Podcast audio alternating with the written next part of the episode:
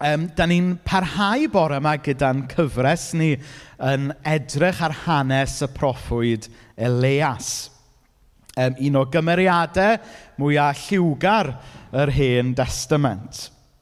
I ni ddim yn gwybod llawer am Elias, i ni ddim yn siŵr iawn o'i gefndir e, i ni ddim yn hollol siŵr o ba lwyth oedd e'n dod, ond ni yn gwybod beth yw ystyr i enw fe. Ac ystyr i enw fe yw Iawe sydd ddew. A maen nhw'n dweud bod lot mewn enw, yn does? A mae'n sicr lot o wirionedd yn yr enw yna, Iawe sydd ddew. I ni hefyd yn gwybod fod e'n broffwyd. A proffwyd, um, o leia yn y cyd-destun yma, ydy rhywun sy'n cael ei alw gan ddew er mwyn rhannu gair dew gyda pobl mewn amser. Um, Ac ar rywydd, mae e'n arwyddocaol bod ni ddim yn gwybod lot amdano fe, am Elias, ond bod ni'n gwybod lot am ei neges e.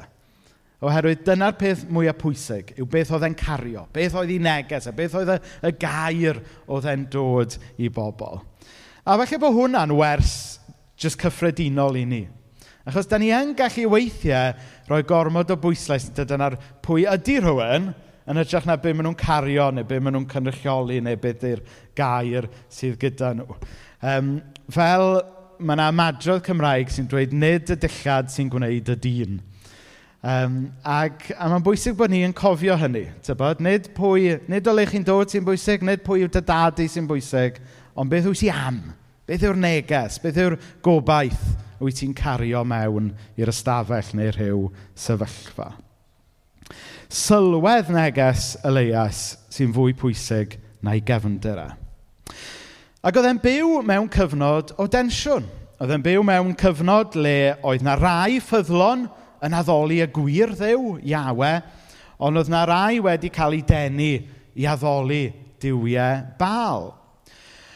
Ond oedd y genedl, pobl ddew, oedd nhw yn rhyw lobsgws. Mae'n mae amser o flwyddyn le mae pobl yn dechrau gwneud cawl neu lobsgws neu bynnag cawl i ni'n dweud yn y de. Lobsgws chi'n dweud yn y gogledd. A, a mae lobsgws chi jyst yn taflu rhywbeth rhywbeth mewn, dydych? E? A, a, a chi'n gobeithio bod rhywbeth iawn mynd i droi allan yn y diwedd. Ac, um, ac yng nghyfnod Elias, oedd pobl yn gwneud hynna gyda pethau diw. O'n nhw'n rhyw gymryd chydig bach o, o Iawe, chydig bach o, o ddiwiau bal. Ac oedden nhw wedi creu rhyw fath o lobsgows o grefydd, rhyw pick-a-mix religion allech chi ddweud. Ac i ryw raddau, mae hwnna'n wir heddiw yn dydy. Da ni'n gweld yn hunan falle. Dwi'n gweld yn hun os gael gyfaddau hyd yn oed fel gweinidog. Dwi'n deud mod i yn addoli ac yn dilyn Iesu, ond dwi'n hawdd iawn yn cael ei nylanwadu gan bethau a pobl a syniadau eraill sydd yn cwmpas ni heddiw. A, a, a dyna'r math o fyd da ni'n byw ynddo fe. Byd y this is my truth, tell me yours, fel canodd y Manic Street Preachers. Rhyw, rhyw bobl yn cymryd chydig bach o wirionedd o bob man a dod fyny ar rhyw system o feddwl sydd yn siwtio ni. Ond mae Leas wedi deud yn dydy ar fynydd Carmel i ni beidio cloffi rhwng dau feddwl, i ni beidio ista ar y ffens, Os ydyn ni'n credu mae Iawe yw'r gwir ddew, yna i ni roi popeth arall i lawr a'i ddilyn e. Achos fe sydd yn rhoi bywyd. So dyna yw, uh, jyst atgoffa chi o pwy oedd Elias a, a bach o'r, or cefndir y cyfnod oedd e'n byw ynddo. Nawr mae'r darlleniad sydd gyda ni bore yma yn dod o un Brynhinoedd 19, uh, dechrau darllen um, o ddiwedd adnod 3. So fydden ni'n ail ddarllen uh, rhai adnodau wnaethon ni ddarllen tro diwetha, ond yn mynd bach yn bellach tro yma. Na ni. Aeth i Bersheba, so, so Elias nawr, aeth Elias i Bersheba yn Juda, a gadael ei was yno, a cherdded yn ei flaen drwy'r dydd i'r anialwch. Yna dyma fe'n eistedd o dan lwyn banadl, a gofyn am gael marw. Dwi wedi cael digon arglwydd. Cymer fy mywyd i. Dwi ddim gwell na'n hynafiaid. Yna, dyma fe'n gorwedd i lawr a syrthio i gysgu dan y llwyn. A dyma angel yn dod a rhoi pwt iddo a dweud, cod bwyta. Edrychodd ac roedd yna fara fflat wedi bobi ar gerig poeth. Welsh kick.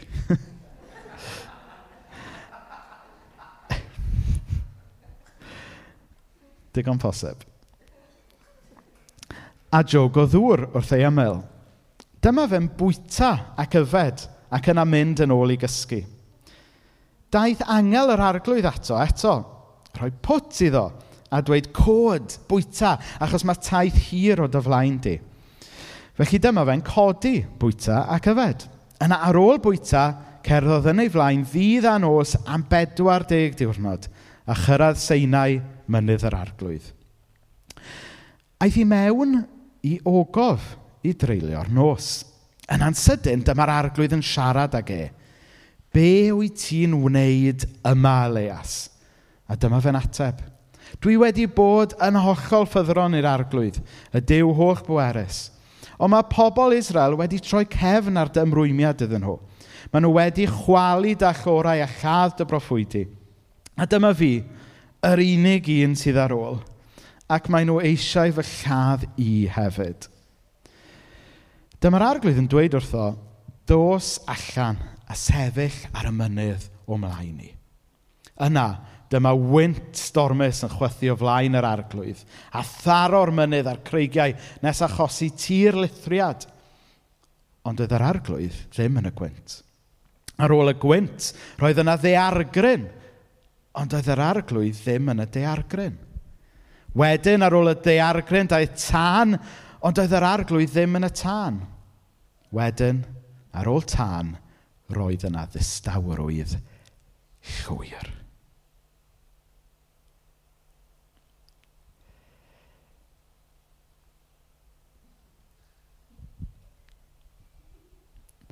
Pan glywodd Elias hyn, dyma fe'n lapio'i glogen dros ei wyneb a mynd i sefyll wrth geg yr ogof a dyma lais yn gofyn iddo, be wyt ti'n wneud yma, Elias? Dwi wrth y modd efo'r hanes yna. Y mor bwerus yn dydy. Nawr falle bod chi'n gyfarwydd gyda'r ymadrodd After the Lord Mayor's Show, sef rhyw idiom sy'n cael ei ddefnyddio i ddisgrifio um, diwrnod diflas sydd yn dilyn diwrnod prysur o hwyl. A mae'n debyg bod yr ymadrodd yn dod, achos y Lord Mayor Show, oedd byddai'r ceffylau pethau mynd trwy'r dre, a wedyn the day after the Lord Mayor Show, oedd lle nhw'n glynhau y, y caca off y streets, dyfod, bod uh, rhyw o ddwrnod diflas yn dilyn y diwrnod um, o hwyl. A mae ma' yna rhyw vibe after the Lord Mayor Show am ddechrau penod 19. Achos mae fe'n dod yn syth ar ôl hanes Elias a'r mynydd Carmel. Mae e'n dod ar ôl y fuddugoliaeth gyffroes yma le mae Duw yn, yn ateb drwy dan. A wedyn yn syth ar ôl y profiad pen y mynydd yma, mae Elias yn hitio rock bottom yn syth. Ac bythefnos yn ôl, wnaethon ni ystyried beth yw e i fynd trwy profiadau mawr traumatic. A, a nes i uh, sôn bod rhai esbonwyr Beiblaidd sydd efo cefndir meddygol yn awgrymu falle mae rhyw fath o post-traumatic stress disorder oedd y leias yn ei brofi. Ar ôl cael yr holl brofiadau dramatic yma, bod y cyfan just yn ormod iddo fe, a bod y cyfan yn overwhelming, ac ar ôl cael y profiad pen y mynydd, bod e wedyn yn cael crash yn sydyn.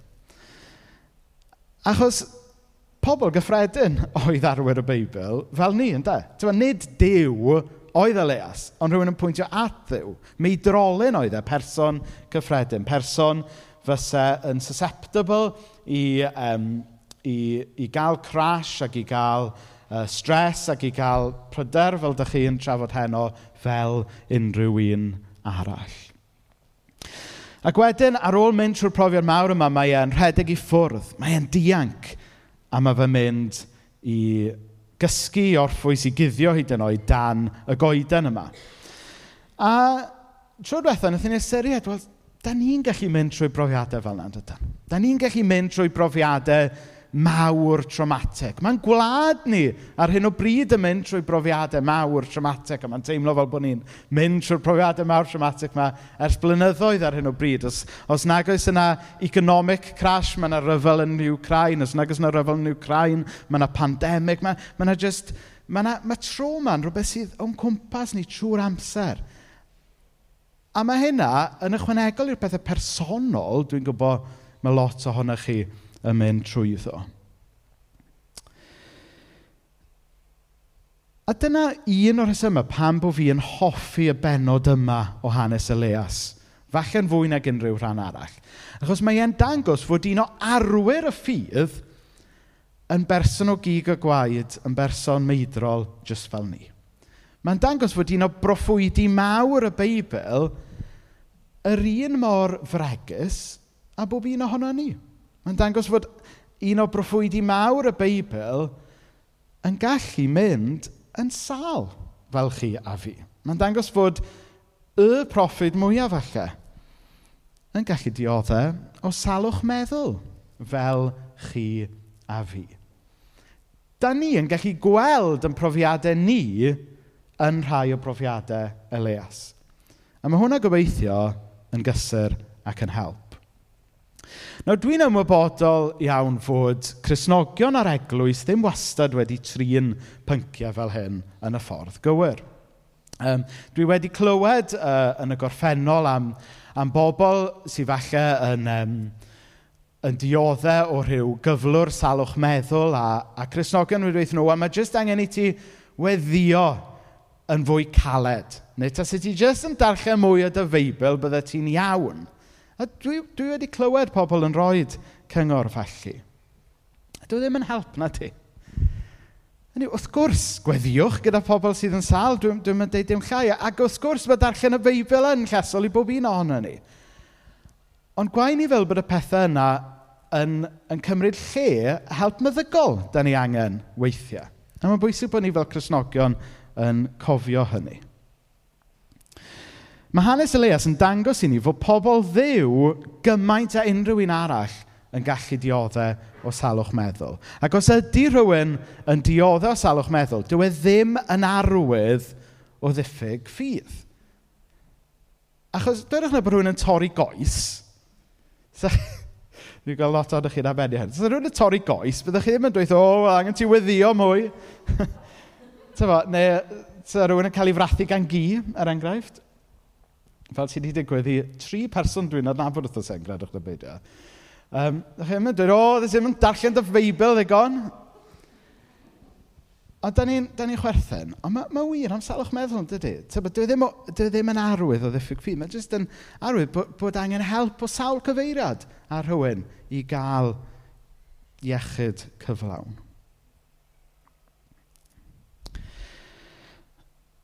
be sy'n arbennig hefyd am hanes Elias yw, ddim bod e jyst yn dangos i ni fod pobl ddew yn gallu dioddau o salwch meddwl, ond mae hefyd yn dangos fod Dyw yn gallu defnyddio pobl sydd, sydd wedi bod ac yn mynd trwy uh, salwch meddwl. Neu does dim rhaid i chi get it all together i gael rhan yn heirnas ddew. I ddeud y gwir, mae'r ma testament newydd yn grymu, gwrthwyneb. Mae ma, ma teunas Dduw yn gallu dangos i hun hyd yn oed yn fwy wrth weithio drwy y toredig, drwy weithio trwy y bregus, drwy weithio trwy y gwan. Achos mae pobl sy'n got it all together ac yn llawn o nhw i hunain, mae'n anodd gweld teunas Dduw mewn pobl fel yna. Ac yn aml, trwy um, trwy y bregus, trwy y gwan, wedyn mae trysor Iesu yn gallu cael ei weld yn fwyaf clir weithiau. A da ni'n gweld hwnna yn hanes Elias. Da ni'n gweld fod un o arwyr y ffydd yn mynd yn sal, ond da ni'n gweld fod Dyw dal yn ei alw fe, dal yn ei ddefnyddio fe yng ngwaith y deyrnas. A mae'r hanes yma yn atgoffa ni felly fod Dyw ynglyn ac achub y person cyfan. Ac digwydd bod, mae criw, um, mae criw Cari Cersalem mynd i fod yn edrych ar y thema yma dros yr, y miso, yr wythnosau a'r misoedd nesaf, sef fod, fod Dyw isio gofalu am yn lles cyfan ni, yn gorff, yn feddwl ac yn ysbryd. Um, nid minister of religious affairs ydy Dyw. Ond mae e'n arglwydd ar y person cyfan. Ond da ni yn gallu gwneud y mistake weithio, o meddwl mae just Minister of Religious Affairs ydy Iesu, tybo, bod, bod na rhyw ran o'n bywyd mae Iesu'n charge o, a wedyn bod pobl eraill neu ni'n hunain yn charge o'r rhan eraill. Na, pan mae'r Beibl yn siarad am iachad, iachawdwriaeth, mae'n siarad am achub y person cyfan, achos bod yr arglwydd yn ddiw ar bopeth. Ac un o'r geiriau sy yn y Beibl, yn arbennig yn y Testament Newydd, i ddisgrifio'r syniad yma o iachawdwriaeth gyflawn sy'n cyffwrdd y corff, y meddwl a'r enaid, ydy sozo. Da ni'n ymwybodol fod uh, rhai yn yr eglwys yma yn neud gweinidogaeth sozo, Le mae modd i chi uh, dderbyn uh, gweddi yn, yn helpu chi adnabod um, beth yw'r pethau yn bywyd sy'n rhwystro'n perthynas ni efo Duw rhag, rhag mynd yn ddyfnach a, a os ydych chi a diddordeb cael gweinidogaeth sowso yna, dewch chi siarad efo fi neu ffi ar y diwedd allwn ni, allwn ni siarad am hwnna efo chi. Dwi'n gwybod bod wedi bod yn lot o help i, i rai pobl i ddeall sut mae Duw isio cyffwrdd pob rhan o'n bodolaeth ni a rhyddhau ni wedyn i fwynhau perthynas llawn efo'n tad yn y nefoedd. A mae'r gair um, groeg sozo yma, mae'n un o'r geiriau sy'n anodd i gyfieithu i'r Gymraeg neu'r Saesneg, achos bod e'n air mor ddofn a cyfoethog. Mae e'n cyffwrdd ar yr iachad corfforol i ni'n gwybod mae Iesu ynglyn â fe. Mae fe'n cyffwrdd â iachad meddyliol ac hefyd wrth gwrs yr iachad ysbrydol dofn mae Iesu yn dod i ni. A dwi'n meddwl yn hanes Elias, da ni'n gweld yr iachadwriaeth cyflawn yma ar waith. I ni'n gweld Dyw yn, yn delio efo leas ar bob lefel, y, y corfforol, y meddyliol a'r ysbrydol. So, da ni'n mynd i fynd trwy rheina yn sydyn iawn nawr. So yn gyntaf, y corfforol. Mae Dyw yn rhoi cyfle i Leas gysgu a gorffwys. Hmm. Mae gorffwys yn thema fawr trwy y Beibl. Mae e'n them, un o themau mwyaf canolog y Beibl, allwch chi ddweud. Mae Dyw yn dweud dro ar ôl tro fod ni yn greaduriaid sydd angen gorffwys.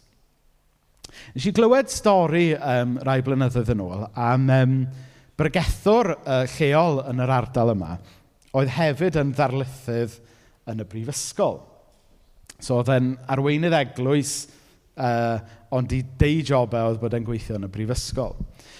Ac, ac oedd y, y gŵr yma, oedd wedi bod yn cael trafferthion gyda iechyd. A, a dyma pethau mynd, uh, i'r pen llanwyd, a mae'n penderfynu, mae rhaid i fi fynd i weld y doctor. A wedyn, y doctor yn gofyn iddo fe, well, you know, explain to me your, your regular working week. A wedyn yn dweud, well, I give lectures on, on Monday, seminars on a Tuesday, research work on Wednesday, more lectures on Thursday and Friday, then on Saturday I prepare the sermons, then I'm out preaching twice, uh, or usually three times on a Sunday.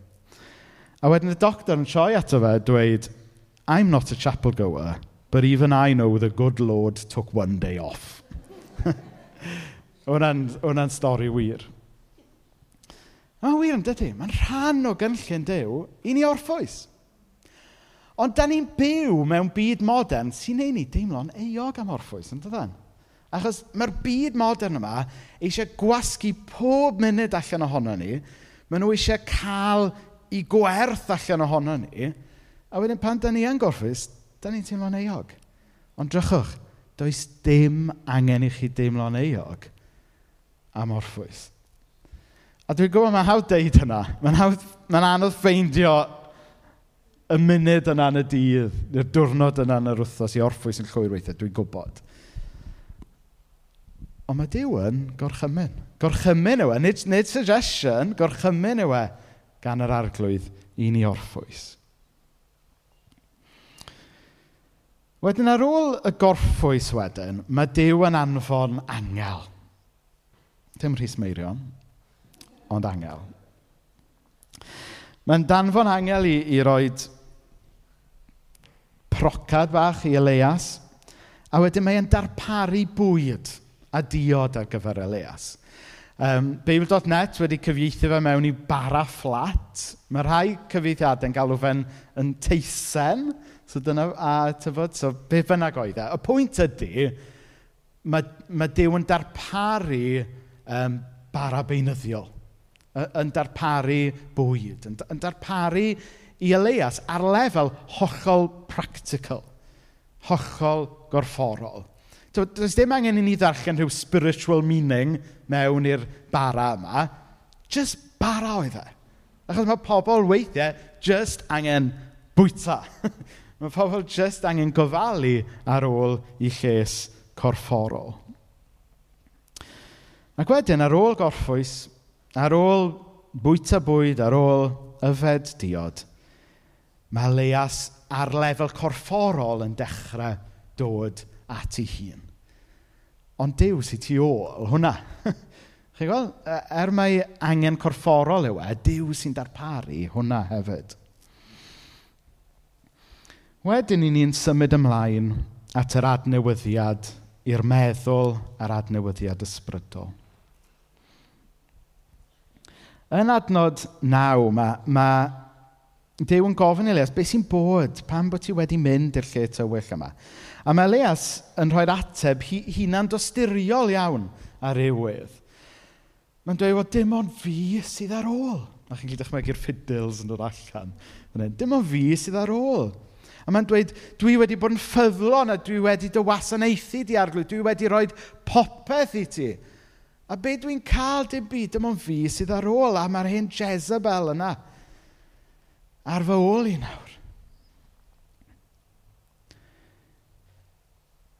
Be sy'n ddiddorol yw, da ni'n gwybod o'r hanes o ddarllen y penodau cynt a penodau sydd ddod, oedd Elias actually'n wrong.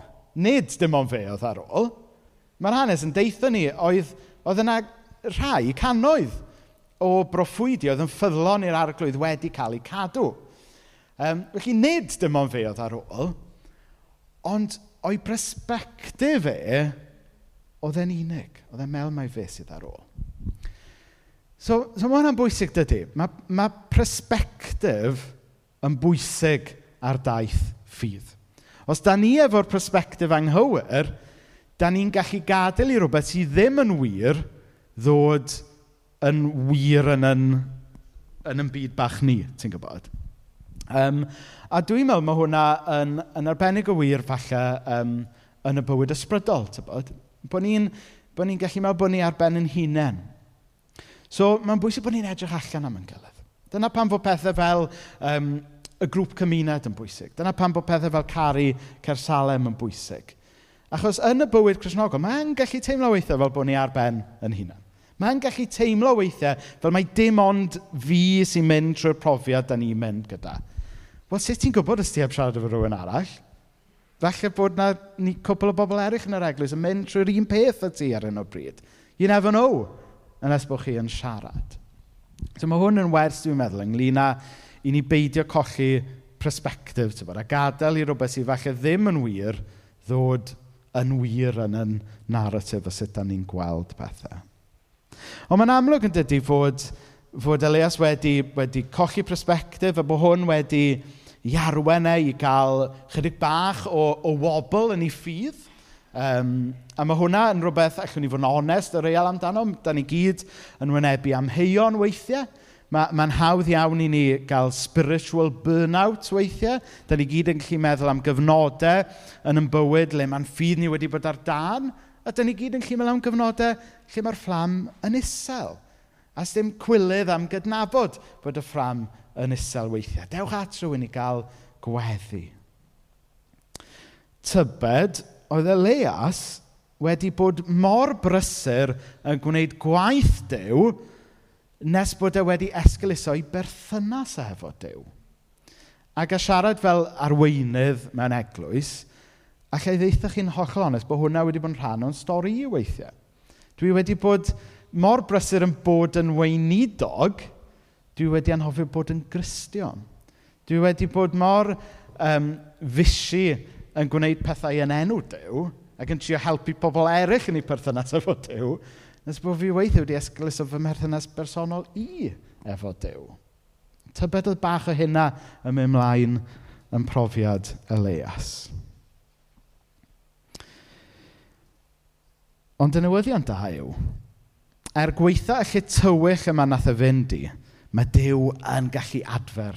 Mae Dyw yn adfer Elias a mae'n gallu adfer pob un ohono ni. Mae wedi adfer yn gorfforol drwy, drwy roi gorffwys iddo fe, drwy wneud yn siŵr bod e'n cael bwyd. Mae'n adfer yn feddyliol drwy, drwy helpu fe newid um, y stori, newid y perspektif. A wedyn ola, mae e'n adfer yn ysbrydol drwy adlydd fe glywed i laisau unwaith eto. A dyma hoff bit fi o'r hanes. Ar ôl clywed cri Elias, mae Dyw yn dweud wrtho fe fynd allan ar lethra'r mynydd i ddisgwyl amdano fe. Chybod, glywwn ni ddim llais Dyw, ond i bai bod ni'n disgwyl i gael clywed llais Dyw. Mae Dyw yn siarad gyda pobl sydd yn expectant i glywed ei laisau. Um, Felly mae Leas yn dweud Duw, cer allan i llethr y mynydd. Dwi ddim yna eto, ond cer allan yna i ddisgwyl amdano fi, mae'n deud. Wedyn dyma gwynt cryf yn codi, o Dyw ddim yn y gwynt. O deargryn mawr yn taro, o Dyw ddim yn y deargryn. Tân yn syrthio, ond o Dyw ddim yn y tân, o leia tro yma. A wedyn, distawrwydd llethol. Ac yn y distawrwydd, mae Dyw yn dod at Elias. Yn y distawrwydd mae Elias yn clywed llais Dyw. Mae Dyw yn siarad yn y tan. Nath e o'n neud ar mynydd Carmel a mae e'n gwneud yn Pentecost. Ond weithiau, actually, dim weithiau, dyna'r complete opposite i beth dwi'n siarad dweud. Da ni weithiau'n dal allan am y tan moments yn dydyn. A maen nhw yn dod weithiau, Ond fel arfer, dwi'n meddwl bod Duw yn siarad yn y, tyw- yn y tawelwch. A weithiau, os da ni jyst yn dal allan am y tân moment, da ni'n methu'r tawelwch moment. Ac yn cochi beth sydd gan ddew i ddweud wrthyn ni bob dydd. Mae yna emyn fyddwn ni'n gorffen efo bore yma'n dweud, mi glywaf dyna'r lais. Dyna mae'r emyn yn dweud, ynddo? Nid mi glywaf foghorn yn galw arna fi. Nid, chyfod, mi glyw, nid mi glywaf gorwynt, mi glywaf daran, mi glywaf dan, ond mi glywaf dyna'r lais yn galw arna fi. A mae Leas yn clywed y llais yna, yn ei galonogi fe, yn atgoffa pwy yw e, fod yn blentyn anwyl i'r arglwydd, yn atgoffa fod yna bwrpas i'w fywyd e, yn rhannu gair Dyw gyda pobl yn ei oes, yn asgoffa fod yna werth i'w fywydau. E. A mae'r tynner lais yn atgyfnerthu i ysbrydau. E. Mae'n atgoffa fe fod Dyw yn rhoi iachawdwriaeth gyflawn iddo fe. Corff, meddwl ac ysbryd. A dwi'n meddwl fod hwn yn her i bob un ohono ni bore yma. Da ni'n byw mewn byd swngllyd yn dydan. Da ni'n byw mewn byd lle mae'n ffonau symudol yn mynd ping-ping trwy'r amser, lle mae e-bost yn dod, mae'r teledu ymlaen, mae'r radio ymlaen, mae'r we, mae popeth yn digwydd yr un pryd trwy'r amser. Wa, mae lot o white noise yn yn byd heddiw. Ac, ac os da ni'n credu fod Dyw yn gallu siarad efo ni yn y tawelwch, wel tybed, ydy ni yn boddi llais Duw allan yng nghanol yn byd swnllyd a prysur ni. Tybed oes angen i ni arafu i lawr, tawelu, roed y radio a'r teledu i ffwrdd, roed y ffôn i lawr, roed Netflix off, er mwyn mynd yn llythrenol falle i'r mynydd i wrando ar lais Dyw. Dwi'n yn gwybod amdano chi, ond mae rhaid i fi weithiau newid lle dwi er mwyn gwrando a ddew. Hynny, mae, ma, to, dwi, dwi wrth y modd efo, ydy ydi menna yma, to, dwi wrth y modd efo'n bywyd teuluol ni in general. dwi'n cael nedw fyna, o mae menna yn fwy. Ond weithiau, ond weithiau, chyfo, nghanol prysurdeb bywyd a, a galwadau a plant o'n llyd, o, mae'n anodd gwrando ar lais dy weithiau. So weithiau, mae'r rhai just neu scene change yn does? I ni roi cyfle i ddew siarad gyda ni. I fi, mynd allan ar y beic ydy o. I rhai pobl, dwi'n gwybod, mae llythrenol mynd i lethra mynydd. Dwi'n gwybod bod chi'r lyfs yn licio mynd dianc i'r mynydd a cael yr... Mae yna rhywbeth am newid sefyllfa yn does yn caniatau i ddew siarad efo ni'n ffres. Mae yna... Um, emyn, hen emyn gan Elfed sy'n sôn fel hyn. Dwi'n meddwl bod y pennill mynd i ddod ar y sgrin nawr. Um, mae newid ei fendithion i gwrdd ag angen dyn. So dydy Dyw ddim yn newid, ond mae e'n newid i fendithion. Chos weithiau, da ni angen cic lan y pen ôl, dyfan. Ond weithiau, da ni angen llais tynner. Weithiau, da ni angen gweld Dyw yn ateb drwy tân. Ond weithiau, da ni angen bod allan yna yn y tywelwch ar y mynydd. Mae Dyw yn newid i fendithion i gwrdd ag angen dyn. Mae'n ddoeth ym mheb, mhob dibenion. So mae Dyw yn ddoeth. Mae'n gwybod be da ni angen a pryd da ni angen e. Erioed ni fethodd ddyn. Ein bara sydd bob bore yn dod o'i ddwylo ef, jyst fel oedd e'n darparu'r bara ar dŵr ei Elias, a chynnal ein heneidiau ar ochr ysbrydol, wna beth a bara ar nef. So mae hanes Elias fel mae emyn Elfed yn atgoffa ni fod gyda ni ddew sydd yn darparu. Jehofa Jire. Mae'n gwybod pryd a sut da ni angen bendith ar y corff, y meddwl a'r ysbryd. A dwi am orffen drwy ddeud hyn. Da ni, dwi wedi sôn bore yma yn corff, meddwl ac ysbryd. A dwi'n gwybod fod Criw Ceri Cersalem mynd i fod yn pwysio mwy mewn i'r thema yma dros yr wythnosau nesaf. A mae'n helpful meddwl am y tri categori yma ar wahân, ond mae'n bwysig hefyd bod ni ddim yn ysgaru nhw yn llwyr hefyd.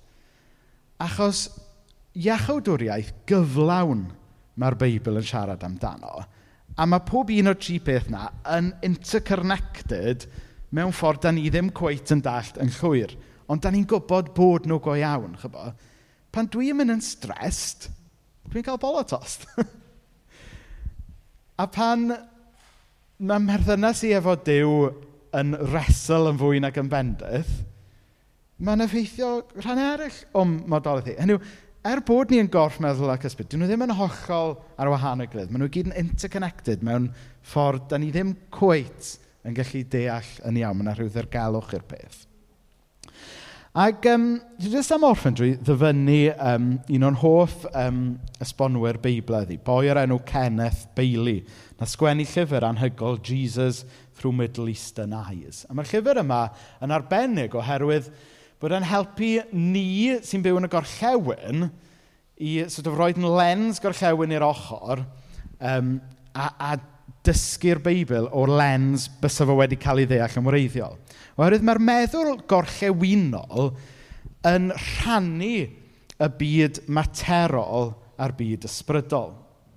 Um, I chi sy'n geeks, mae'r syniad yn dod yn wreiddiol gan Plato. Plato yn meddwl bod y byd corfforol yn rhywbeth drwg, brwnt, o'n ni angen dianc ohono fe i'r byd ysbrydol uwch. A wedyn mae'r dylanwad yna wedi dod trwy y diwylliant y gorllewin, a dyna pam bod ni bobl yn y gorllewin fel arfer yn gweld y split yna rhwng y byd corfforol a'r byd ysbrydol. Ond, oedd y traddodiad hebreaidd, sef byd y Beibl, ddim yn gweld y split yna. O'n nhw'n gweld, ia, oedd yna element gorfforol, element ysbrydol, ond bod ei gyd ynglyn â'r person cyfan. So, na i just darllen y dyfyniad yma. The division between body and soul was foreign to the Hebrew mind, with a nepes, the self, the whole person was an undissolvable composite of body and spirit. Thus, for Paul, resurrection included the resurrection of the body, which he defined as the spiritual body. It followed that there is no spiritual gospel that can be endorsed in isolation from the reality of the physical world that God created, called good, and into which He placed human beings. This combination of the spiritual and the physical and its relationship to God is at the heart of the teachings of Jesus. So pan mae'r y pwynt ydy, pan mae'r Testament Newydd yn siarad am yr ysbrydol, mae'n siarad am y person cyfan. Dyw e ddim yn siarad am ysbrydol fel da ni yn y gorllewin yn meddwl amdano fe fel distinct o'r corfforol. Mae'n siarad am y person cyfan. A dwi'n meddwl bod ni'n gweld hwnna yn y ffordd mae Dyw yn adfer Elias. A ddim jyst bod ni'n gweld yn y ffordd mae Dyw yn adfer Elias, ond da ni'n gweld sut mae hanes Elias yn pwyntio ni ymlaen at Iesu. Sut da ni'n gweld fod iechawdwriaeth gyflawn i gael y mywyd marwolaeth ac atgyfodiad Iesu. A'r newyddion da bore yma, ffrindiau, yw fod yr un Duw na ddanfon angel i roi procad i Elias – yn rhoi procad i bobl hon yn ni bore yma. Bod yr un dew na dod â adferiad Elias yn dod â iechawdwriaeth ac adferiad i ni heddiw. Os da ni'n mynd i ochr y mynydd a disgwyl amdano fe. Amen.